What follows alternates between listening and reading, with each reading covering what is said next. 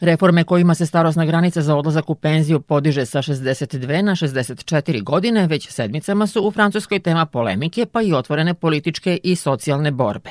Nezadovoljstvo je kulminiralo nakon što se vlast Emanuela Makrona nije proslavila u pokušajima da nepopularne reforme o zakoni u parlamentu. Do rasprave nije ni došlo, uprkos pokušajima predsednice parlamenta da zavede red.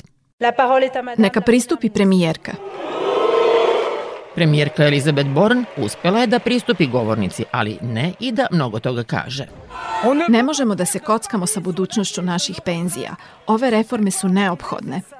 Opozicija nije želela da sluša.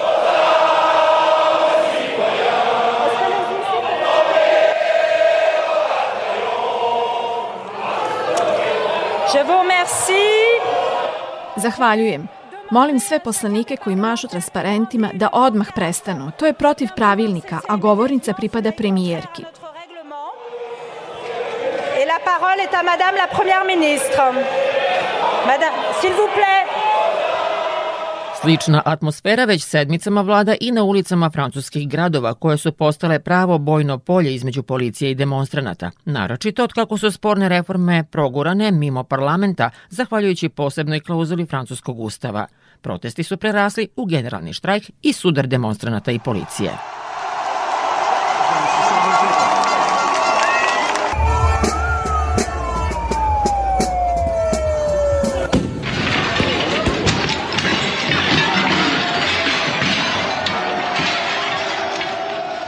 I dok se širom Francuske nastavlja haos, vladajuća stranka ovih dana je dolila ulje na vatru. Učinio je to upravo predsednik Emmanuel Macron, koji je, nakon što je preživeo glasanje o nepoverenju, najavio da ne odustaje od reformi. Mislite da sam srećan zbog ovih reformi? Ne, ali nemamo na raspolaganju više rešenja za postizanje uravnoteženog sistema.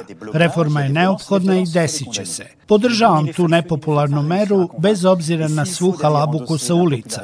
Razumem proteste, ali ne i blokade i nasilje. To moramo da osudimo.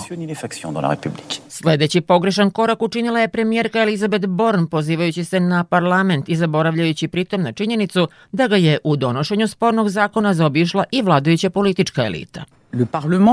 Podsjećam da je parlament mesto gde se slušamo, a ako to ne želimo, onda to potvrđuje da činjenicu da neke poslaničke grupe ne poštuju institucije. Šta više, već duže vreme jasno žele haos u Skupštini, a posledice plaćaju Francuzi qui en paye les conséquences. Takav stav dodatno je razgnevio opoziciju koja u ovom vidi svoju šansu. Pre svih liderka nacionalnog fronta i glavna Makronova politička protivnica Marine Le Pen. U obrazloženju je dao nekakve nejasne brojke. Ne znamo po kojoj je metodologiji došao do njih. Razgovaramo sa ljudima na terenu i od njih isto čujemo. Ne znamo šta je od svega ovog realno, a šta je diverzija koju vodi predsednik. Po mom mišljenju nikog nije ubedio. Slične poruke stižu i od predstavnice Levice Matilde Pano. Otvoreno nezanimanje pozicija sindikata i opozicije, pa i marša naroda na ulicama. To se ne može nazvati radom vlade, nego autoritarizmom. I jasno ćemo zemlji i svetu pokazati ko je kriv. Predsednika nije štedeo ni lider najekstremnije sindikalne konfederacije radnika, Filip Martinez. Reći ću prosto to što govori zvuči kao šala sve je dobro. Sve radimo kako treba, ništa se ne dešava na ulicama, a ovi što se žale ništa ne razumeju. Pokušava da smanji sobstvenu nelagodu ubeđujući samog sebe da je to baš tako. Takve izjave u prvi plan sve više guraju političku dimenziju protesta. U prilog tome govore zvanični statistički i ekonomski pokazatelji Svetske banke i OECD-a. Prema njima je Francuska, pored Italije i Grčke, država čiji bruto društveni proizvod trpi najveće opterećenje penzijama sa udelom od 14,5%. Evropski prosek je između 8 i 9 odsto i u njega se uklapa većina država koje su reformisale svoje penzione sisteme. U tim državama je starosna granica za odlazak u penziju između 65 i 67 godina, dakle i dalje viša nego po novim francuskim normama. Takođe, računice pokazuju da će francuski penzioni fond do kraja godine biti skoro 2 milijarde evra u minusu. Pa zašto je onda kod Francuza sve ovo izazvalo toliki gnev?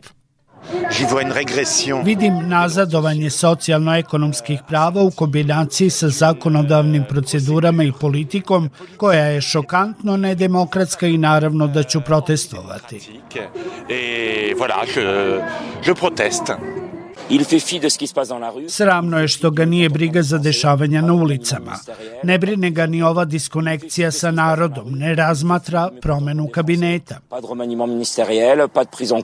Macron je reforme pokušao da uvede i pre tri godine. Neuspešno. Ovaj put izlazi pred građane sa novim predlogom, ponovo neprihvatljivim, a razloga je više, objašnjava profesor Slobodan Zečević sa Instituta za evropske studije.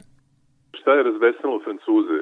Ovo je znači jedna klasična reforma u smislu da e, produžavate radni vek za, za dve godine, pri tome on i daje određene ustupke, e, da tako kažem, ljudima pre svega koji su počeli ranije da rade sa 16 i 18 godina, koji mogu da odu ranije u penziju pre 64 godine. E, druga stvar, on obećava povećanje minimalnih penzija, znači ako se usvoji reforma, biće povećanje minimalnih, minimalnih penzija za 100 evra mesečno.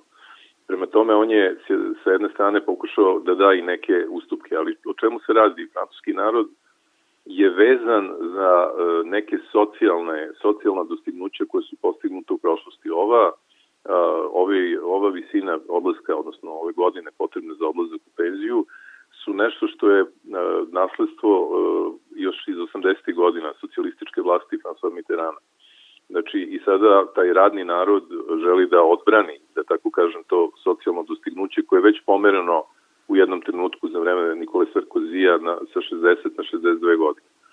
Uh, I s druge strane reči i ideologiji smatra, oni smatraju, znači ljudi koji, koji su u sindikatima, koji su na levici, koji žive od svog rada, smatraju da taj deficit penzijnog budžeta može da se nadoknadi na jednostavan način, oporezivanjem velikih preduzeća, multinacionalnih kompanija, što Macron odbija jer smatra da bi time zaustavio investicije u Francusku i zaustavio ekonomski razvoj. Znači veći porezi bi destimulisali strane i domaće firme da rade u Francusku. Za vreme Makronovog prvog petogodišnjeg mandata iskristalisale su se dve francuske, ekskluzivna bogata i siromašnija radnička. One nastavljaju da se kreću u odvojenim mentalnim svetovima koji sve teže nalaze kanale za komunikaciju – U Makronovoj renesansi svesni su toga da mandat koji ima neće biti lak. Poslanica vladajuće stranke Priska Taveno. Na njima je da obezbede većinu, ali moram reći, upravo smo imali ekstremno težak i bolan trenutak saznanja da je socijalni dijalog u Francuskoj daleko, a njihovo poricanje nas navodi da verujemo da ga više i neće biti. Potezi koje u poslednje vreme vuče francuski predsednik dali su opoziciji argumente da ga obeleži kao autokratu i dodatnu snagu da mobiliše mase, a time možda i stavi na ispit aktualnu vlast, kaže profesor Zečević. Mislim da u ovom trenutku opozicija koristi situaciju u Skupštini. Macron nema apsolutnu većinu i nije mu lako da usvoja zakone. Uh, tako da oni koriste tu situaciju upravo da bi, da bi stvarili, stvorili parlamentarne krize, i da bi eventualno oborili neku od vlada i primorali Makrona na e, vanredne parlamentarne izbore koji bi za njih u ovom trenutku bili povoljni. E, danas bi opozicija jedna i druga i, i leva i desna dobili više glasova, odnosno više poslanika nego na prethodnim izborima. Šta će se dalje dešavati zavisi od toga kakva će biti odluka Ustavnog suda povodom spornog nametanja zakona o reformama. Ona se očekuje 14. aprila. Umeđu vremenu, dve strane pokušaće da spuste loptu i vrate se za pregovarački sto iduće sedmice. Dijalog će se nastaviti, već je otprilike zakazan sastanak ponedeljak utorak između sindikata i, i uh, vlade. Uh, Elizabeth Warren, šta je problem? Nije problem u dijalogu, nego je problem u rešenju. Sve sad zavisi od, toga, od te mobilizacije, od tog Uh, učešća građana na, na protestima. Sindikati ovde nastupaju zajedno, postoji neka, nekakva koordinacija aktivnosti svih sindikata i oni su jedinstveni po ovom pitanju.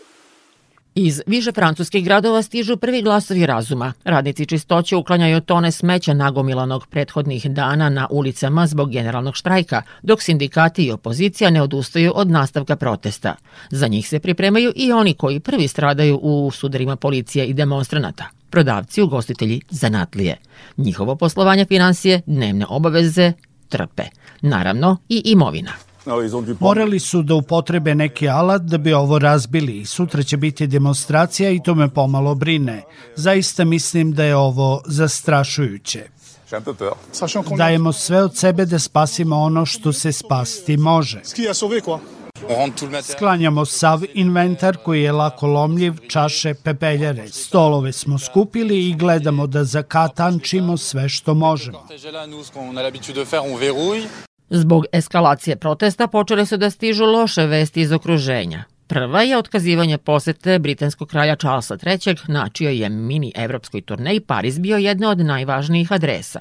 Slobodan Zečević uveren je da Makronove evropske i međunarodne pozicije za sada ipak nisu uzdrmane, uprkos kritikama na račun uloge Jelisejske palate u eskalaciji.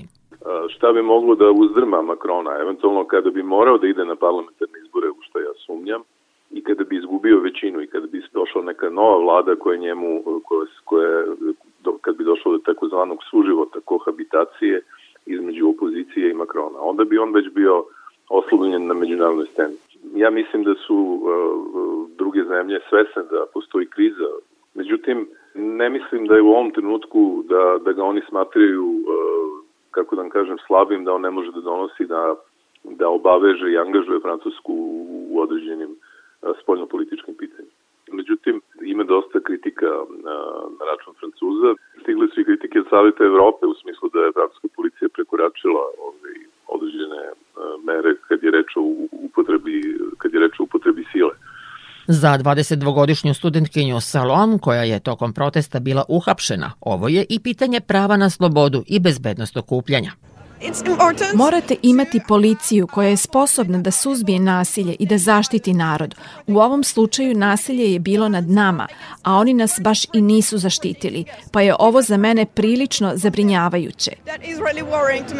Svestan toga da sve ove kritike kao i sadašnje i buduće odluke mogu da imaju visoku političku cenu, Macron je u nove reforme krenuo već na početku svog drugog predsedničkog mandata.